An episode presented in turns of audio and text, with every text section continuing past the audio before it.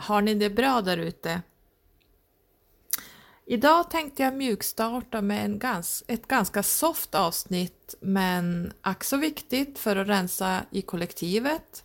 Det vill säga det kollektiva medvetandet så vi snabbare kan börja gå mot 5D. Och det här är ju ett av mina missions. Vad är då ett kollektivt medvetande undrar du? Men gå in på min Youtube-kanal och gå under Question and Answers del 2. Eh, men jag ska prata om det specifikt längre fram i ett annat avsnitt. Mina lyssnare kommer förstås eh, vara de som redan är uppvaknade, andliga och mediala. Men kanske finns det någon där ute som är i startgroparna, som har börjat vakna upp och precis som oss andra i början där leta febrilt vad är det som händer med mig. Så är du otålig kring ditt uppvaknande så kan du kika in på min Youtube och kolla av alla delar av mitt andliga uppvaknande. Jag tror det är tre delar. Eh, jag ska försöka lägga en länk under eh, om jag fixar det. Eh, det blir mitt eh, första avsnitt här så att eh, vi ska se hur vi får ihop det. Eh, och varför har jag börjat podda kanske du undrar? Jo, för att en podd kan man ta med sig överallt. Och man kan ju lyssna på väg till jobbet, på promenaden och så vidare och det är ju lite svårare med en video. Så, med detta sagt så kör vi väl igång för idag ska vi gå lite kvantfysiskt och belysa den personliga utvecklingen.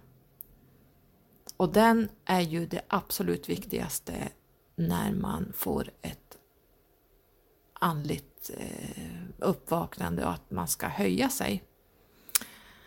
Eh, så idag ska jag prata om en fälla som egentligen de som inte är uppvaknade samt de som inte har gjort den personliga utvecklingen de som agerar ur 3D hamnar i ständigt och, och eh, i och med det här så skickar man upp samma beteende i det kollektiva mindet som fortsätter åka runt och snappas upp av andra och så här fortsätter det i evig tid och har gjort nu i flera tusen år.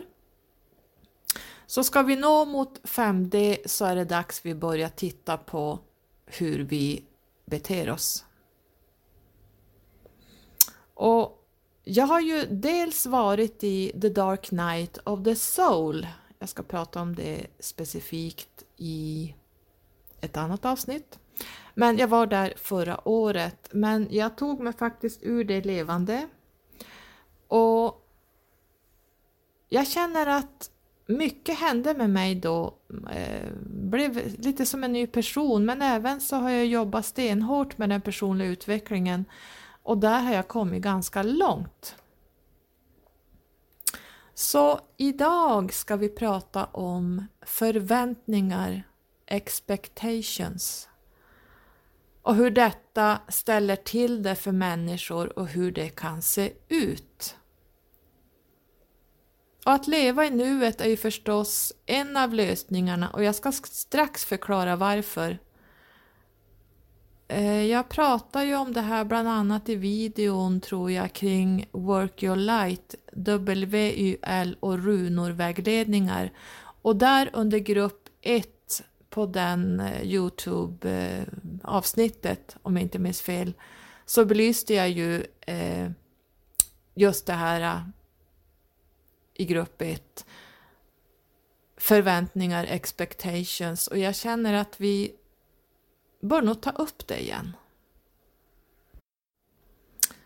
Att ha förväntningar på någon kan verkligen ställa till det för egot och för människor.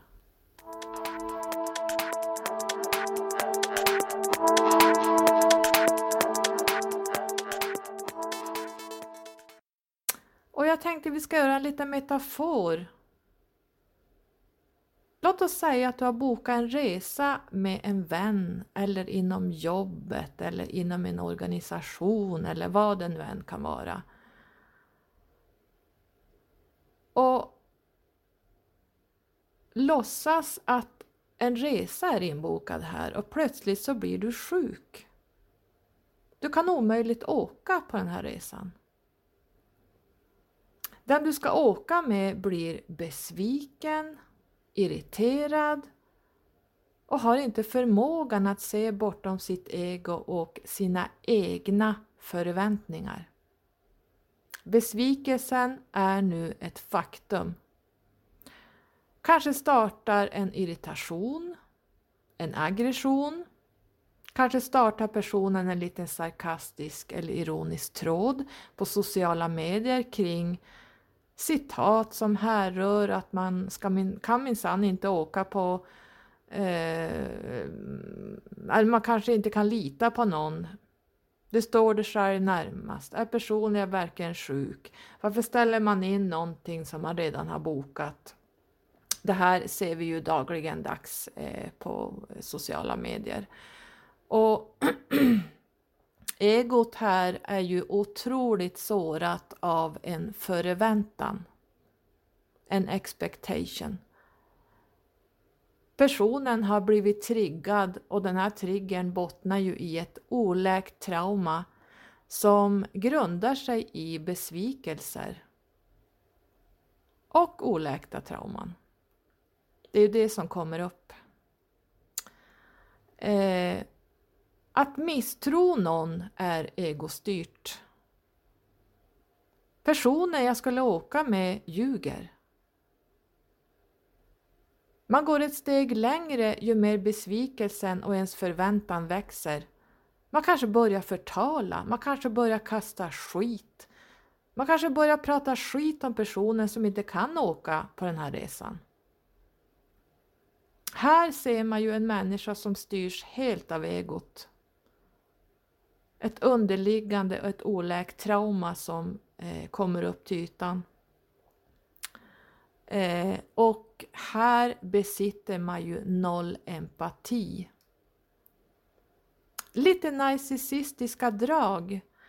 Eh, för jag har ju levt med en narcissist i många år och eh, de har ju ingen empati överhuvudtaget förutom sig själva.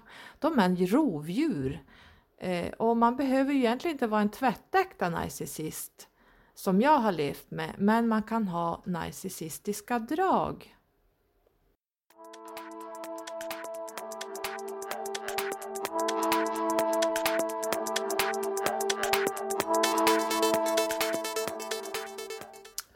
Och tecken på narcissism och narcissistiska drag kan vara bland annat att man pratar ju ständigt om sig själv som mest erfaren.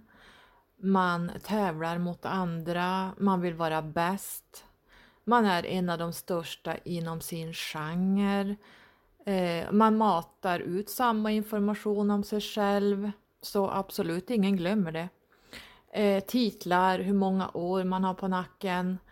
Eh, man pratar ofta om pengar och vad man tjänar på olika saker inom sin genre. För dem är det ju pengar som styr mer än sina uppdrag. Och eh, man vill gärna framhäva sig själv. De hänger ju ofta ut andra som de anser svikit på grund av sina förväntningar. De kanske inte gick att styra på det sätt man velat. Och de här med narcissistiska drag ser ju sig själva som bäst. De talar gärna om det och sätter sig själva på en piedestal. Och framförallt så hänger de ut andra offentligt, speciellt de som eh, anser gör som man inte förväntat sig. Och de har ju ingen som helst empati för andra och kan inte se bortom sitt eget perspektiv. Eh, för allt handlar ju egentligen i grunden om våra perspektiv. Och vad resulterar då en förväntan i egentligen? Ja, som jag sa innan, besvikelse, aggression, man misstror och den här misstron kommer ju från ens eget perspektiv. Och där kanske pengar styr ett sårat ego och faktiskt en ordentligt stor omognad. Men hur beter sig personen om den har empati? Ja, det blir ju faktiskt raka motsatsen. En person som är empatisk kan både känna och se olika perspektiv på en händelse. Här styr ju inte egot och den lägre människan. Eh, och en empat förstår utan att lägga värderingar kring kanske ditt insjuknande och varför du inte kunde åka på den här resan. Och när den empatiska personen får budskapet om att du inte kan åka säger den ju oftast ganska direkt som svar. Men vad tråkigt. Krya på dig. Hoppas du blir bättre snart. Jag lider med dig. Jag förstår hur du känner dig och hur besviken du måste vara nu och så vidare. En empat sätter den andra medmänniskan i första rummet, här ser vi skillnaden direkt, och inte sina förväntningar kring den här resan som inte blev av. Eh, en empat gör ju ingen värdering och har inget behov av att kritisera, ironisera, ha förutfattade meningar eller ge en kickspark som svar, vara sarkastisk eller lägga ut saker på sociala medier kring sin besvikelse kring händelsen. Personer som gör så här vill ju ha bekräftelse via sociala medier där andra människor ska fylla i och bekräfta det här. Men det här är ju ur ett perspektiv som kanske inte är sanningen. Det här är enbart ur den kränkta och besvikna personens perspektiv som redan bottnar ur noll empati, underliggande oläkt trauma, en förväntan som triggade igång beteendet. Det sunda förnuftet och eh, empatiska människor frågar ju inte hur du är sjuk. Det beror ju på lite hur väl man känner varann, men de låter ju dig berätta om du vill. För ibland kan det vara saker en person kanske vill hålla privat. Vi kan ta ett exempel om man är på jobbet där kollegorna ringer in och sjukskriver sig. Ingen som tar emot det samtalet frågar eller kräver att få veta hur du är sjuk. Och det är ju upp till var och en att säga om man vill. Det här är ett sunt förnuft. Vi har inget med andra att göra, vi ska inte beblanda oss i andra. Vi kanske dock vill veta hur länge man blir borta, men där sätter man stopp. Jag kallar det i alla fall sunt förnuft. Men alla besitter inte den förmågan. Därför är det viktigt att vi belyser det här. Vi ska ju bara fokusera på oss själva och vår utveckling. Vi ska inte beblanda oss i andra människor överhuvudtaget. När man börjar ha förväntningar på andra lär du bli varse om att du kommer gång på gång bli besviken. Vi kan dra fler exempel. Vännen som ställer in festen i sista stund eller strax innan. Dejten med den här killen som inte var det jag trodde. Jag kanske hade pratat med han i telefon och skrivit i flera veckor och när vi träffas så är det en helt annan person än vad jag trodde för jag hade en förväntning och jag har målat upp en bild av den här mannen och det visade sig att han var precis tvärtom. Det kanske är mannen jag gifte mig med som inte blev eller var den jag förväntade mig när jag gifte mig. Han kanske visar en annan sida efter ett tag. Mina barn gick inte den väg jag hade velat och förväntat mig och så vidare.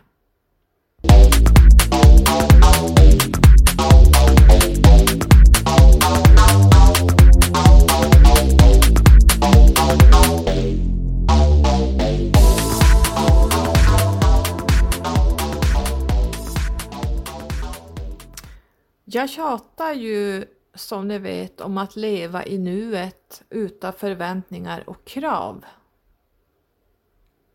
Har vi förväntningar och krav på andra så är vi inte i flöde. Vi är begränsade och vi blir ständigt besvikna. Vi lägger faktiskt våra egna fällor och här är det egot som styr.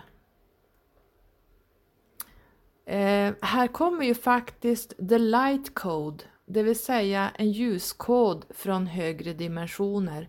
Och det här får du ju till dig varje gång du hamnar i de här situationerna, situationerna för du får ju en chans att ändra ditt tänk.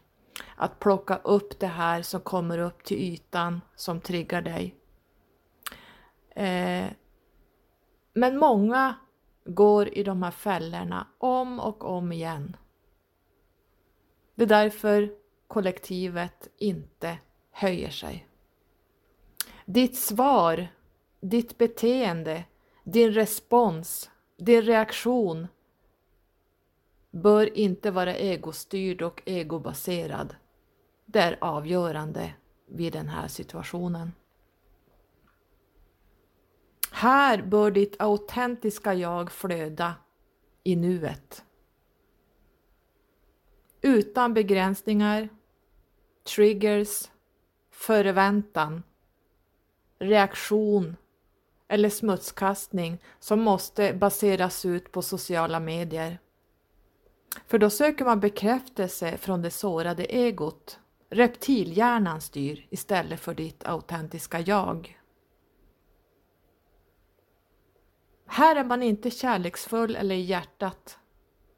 Här drar man faktiskt på sig karma. Så enkelt kan det vara. Höjningen är vad du svarar tillbaks trots ett agiterat svar från den som har en förväntan på dig. Det vill säga den personen som blev sjuk från den här resan. Att ge ett kärleksfullt svar. Eller svara kärleksfullt. Att höja personen som är agiterad trots att du kanske känner att du borde svarat med samma mynt, gå i konflikt, vara sarkastisk, eh, ge en kickspark tillbaka svara med samma låga frekvens och ton. Men när vi gör det så höjer vi oss inte.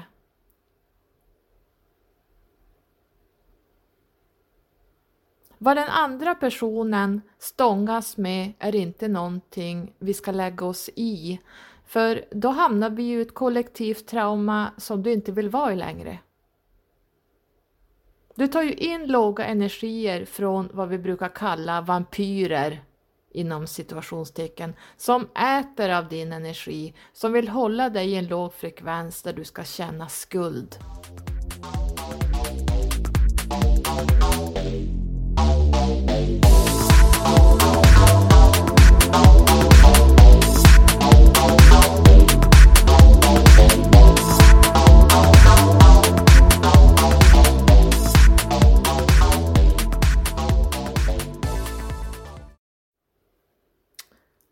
Kärlek och vara kärleksfull är ju att känna in allt som kommer via känslorna och kunna bemästra det. Egentligen kärlek är ju att vara neutral, ska jag vilja säga. Att inte agera på någonting, att bli triggad, besviken. Egot säger ju, du ska minsann lära den här personen en läxa. Men vad som händer är ju att du trycker ner den här låga energin i källaren igen. Det vill säga i ditt undermedvetna och ditt undermedvetna är ju i full alignment med det högre jaget. Här föds ju karma direkt, ett trauma. ett oläkt trauma. Och det är det som vi ser kommer upp vid sådana här tillfällen. Och inte nog med det, du skickar ju även ut det här beteendet i det kollektiva medvetandet som i sin tur regnar ner på oss igen och snappas upp av miljoner andra och så här håller det på i det tredimensionella kollektivet. Som jag brukar säga, as above so below. Allt är speglingar underifrån och uppåt och uppifrån och neråt. Att flöda i kärlek ska ju inte vara svårt eller betungande, för det är ju egot som sätter käppar i hjulen och begränsar oss. Om du blir medveten så har du kommit långt i din uppstigningsprocess och andliga och personliga utveckling. Men titta inte bara på fina ord som skrivs och sägs. Titta däremot på vad en person säger vid en besvikelse eller förväntan och hur personen agerar när deras ego blir sårat. För det, här, det är ju här rovdjuret kliver fram direkt när vi inte stryker medhårs eller inte uppfyller förväntan som de hade på oss och så vidare.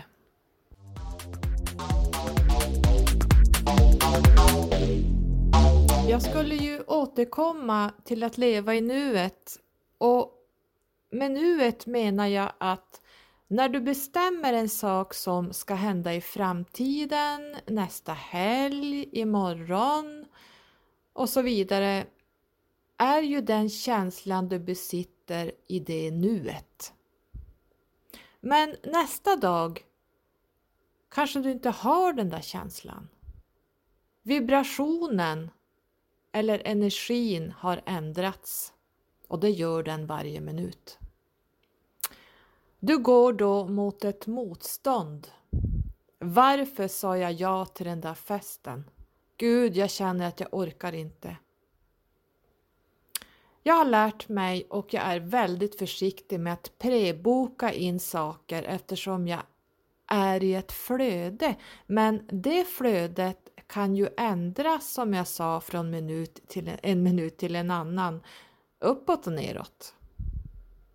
Därför, på grund av att tredimensionella människor blir besvikna och har satt upp sina förväntningar på dig.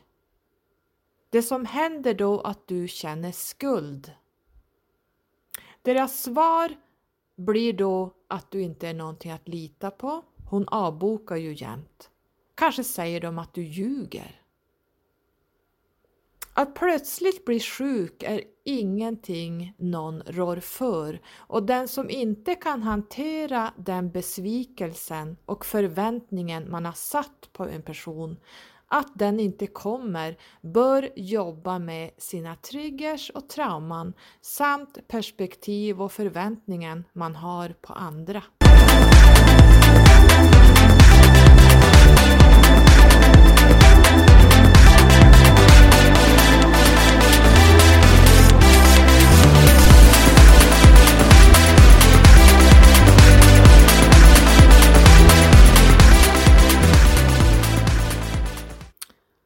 Citat är någonting som jag tycker om och någonting som är bra att ta med sig som metaforer genom livet och jag har valt några från mitt eh, ena Instagramkonto av två, alltså min första Instagram som jag skaffade för många, många, många år sedan. Och det första lyder We repeat what we don't repair. Those who are constantly accusing others are often the ones doing exactly what they are accusing others of doing. Keep that in mind. Vi repeterar vad vi inte reparerar. Det som konstant anklagar andra är ofta de som gör exakt det de anklagar andra för att göra. If I catch one wrong vibe, I'm out. Listen to what people don't say. Be picky with who you invest your time in because wasted time is worse than wasted money. Common sense is not so common. Och det bästa för dagens avsnitt som ju handlar om eh, förväntningar. Lyssna noga och ta till dig det här. If it comes, let it. And if it goes, let it.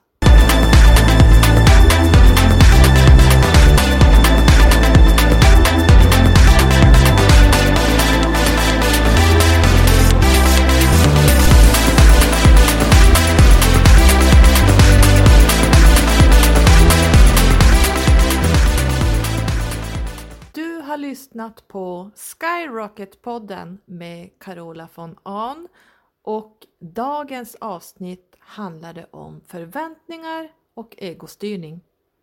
Jättetack för att du lyssnade. Puss och kram, hej!